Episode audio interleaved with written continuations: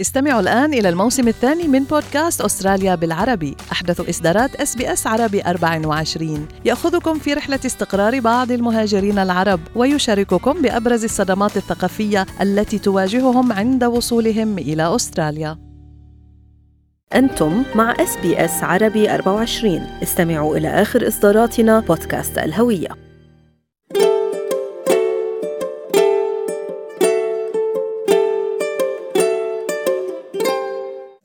المجهر. بودكاست يتناول العناية بالصحة الجسدية والنفسية.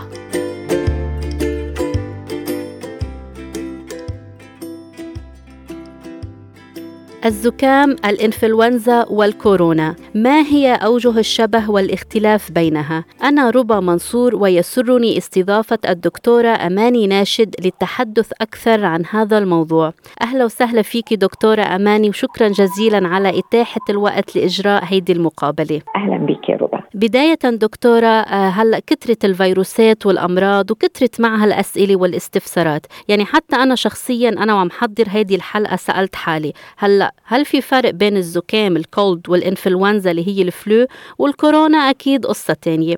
فخلينا نبلش بتفنيدهم بالتسلسل ونبتدي بالزكام. شو هو التعريف أو التحديد الطبي للزكام؟ يعني إمتى بنقول إنه هذا الشخص عنده مجرد cold زكام أو نزلة برد؟ الحقيقة ربى سؤالك كويس قوي لأن في مرضى كتير بيسألوه وفي ناس كتير بتسأله مش بس المرضى. ال cold ال common cold أو الزكام ده عادة فيروس خفيف أعراضه خفيفة يعني صح الإنسان بيبقى مريض بس مجرد آه شوية زكام آه الأنف محتقن شوية. الأعراض بتاعته بتيجي تدريجي. أما الفلو أو الإنفلونزا وده أخطر وأشد ده بيجي فجأة. يعني يبقى الإنسان كويس وبعدين يلاقي حاله اتدهور في ساعات قليلة. إن تيجي الأعراض صداع شديد حرارة الام في الجسم آه، فقدان شهية مش قادر يتحرك. ده كله أعراض ال flu أو الإنفلونزا. يعني مش هي زكام وبتتحول بعدين لإنفلونزا. يعني هي شيء مختلف تماما. مضبوط ده فيروس مختلف تماما عن الإنفلونزا. ال flu فيروس. لكن لو سبته مش بيتحول ل flu.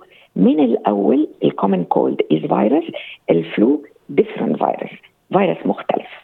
okay. يعني فينا بنفهم منك إنه الزكام منه خطير بس الإنفلونزا هي أشد خطورة لأنه كل سنة نحن بنسمع في ناس كثير بتموت بالإنفلونزا خصوصا كبار العمر. مزبوط أعراض ال common cold أو الزكام دي أعراض خفيفة أما ال flu لا أعراضه أشد وبتقعد وقت أطول. ممكن إن أنا أتعافى وأتحسن من ال common cold في أيام بسيطة. عادة ال flu من أسبوع ل 10 أيام الأعراض بتاعته. دلوقتي لو قلنا ال common cold وال flu أعراض ال flu اللي لازم آخد بالي منها صداع شديد آلام في الجسم كلها. يعني الإنسان يحس إنه مش قادر يتحرك آه، يحس برعشة شوية ارتفاع في الحرارة آه، خمول أو زي ما بنقول ال fatigue آه، كل ده من أعراض ال flu. زي ما بقول لك بتحصل sudden يعني الإنسان يبقى كويس قوي وبعد ساعات يحس بالالام دي كلها. طيب هلا خلينا نوصل للكورونا اللي هي كمان ممكن تكون مميتة أيضا ببعض الحالات. ممكن تعرفي لنا للمستمعين بشكل مبسط تحديدك أو شرحك للكورونا؟ okay دلوقتي بين الكورونا وبين ال flu أعراض كتير متشابهة بس ده فيروس ثالث. يبقى من الأول في فيروس للزكام. فيروس لل flu فيروس للكورونا. أعراض الكورونا أنا كمان كدكتورة ما أقدرش أفرق بينها وبين ال flu لأن الاثنين أعراض شديدة ما بعرفش أفرق إلا لو عملت test اللي هو ال rapid antigen أو ال PCR لكن الأعراض متشابهة جدا جدا يعني آلام الجسم الصداع الحرارة ال body ache أو الآلام اللي في الجسم آه، يزيد عليها sometimes إن التنفس بيبقى تعبان شوية. الرعشة. كل دي أعراض مشتركة بينها وبين الفلو. فأنا ما بعرفش أفرق من غير التست. فهيدا هيدا كنت الشيء اللي راح أسأله لأنه هلأ فعلا الناس يعني عم بتضيع. بيكون عندها فلو بتفكر عندها كورونا أو بيكون عندها كورونا بتفكر عندها فلو. فعم بيضيعوا بهيدا بهيدا المجال. فعلا يا ربا أنت عندك حق.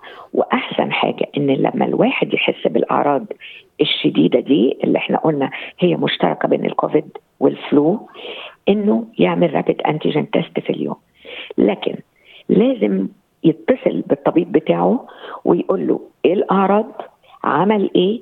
لأن أحيانا ال rapid antigen test فعلا بيبقى عندي كوفيد بس بتطلع negative أنا عايزة برضو أقول إن نسبة الاختبار بتاع ال rapid antigen test مش 100% اللي بعمله في البيت. النسبة بتاعة الاختبار من 40 ل 90% دقيق.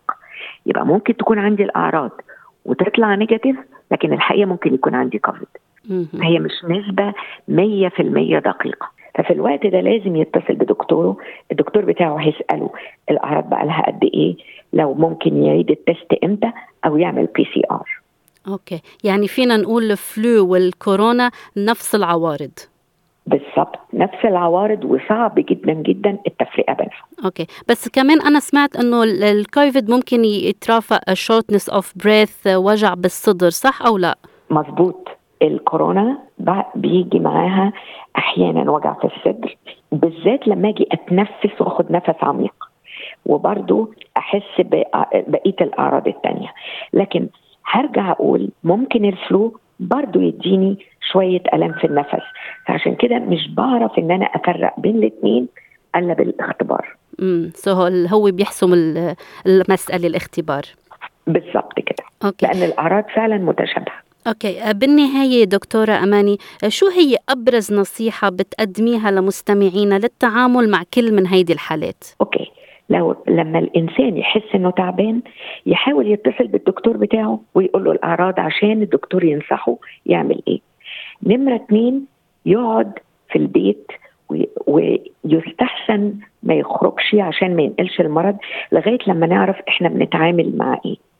نمرة ثلاثة إن الدكتور هيقول له يعمل إيه. نمرة أربعة بقى ودي أهم حاجة في المناقشة كلها لو الموضوع flu أنا بشجع جدا ولو سمحتي أنا بنصح كل الناس حتى اللي ما أخدش ال flu vaccine قبل كده يتكلم مع الدكتور بتاعه وياخد ال flu vaccine لأن الوقاية خير من العلاج. في ختام هيدا اللقاء بتوجه بالشكر الجزيل للدكتورة أماني على هيدي المعلومات القيمة.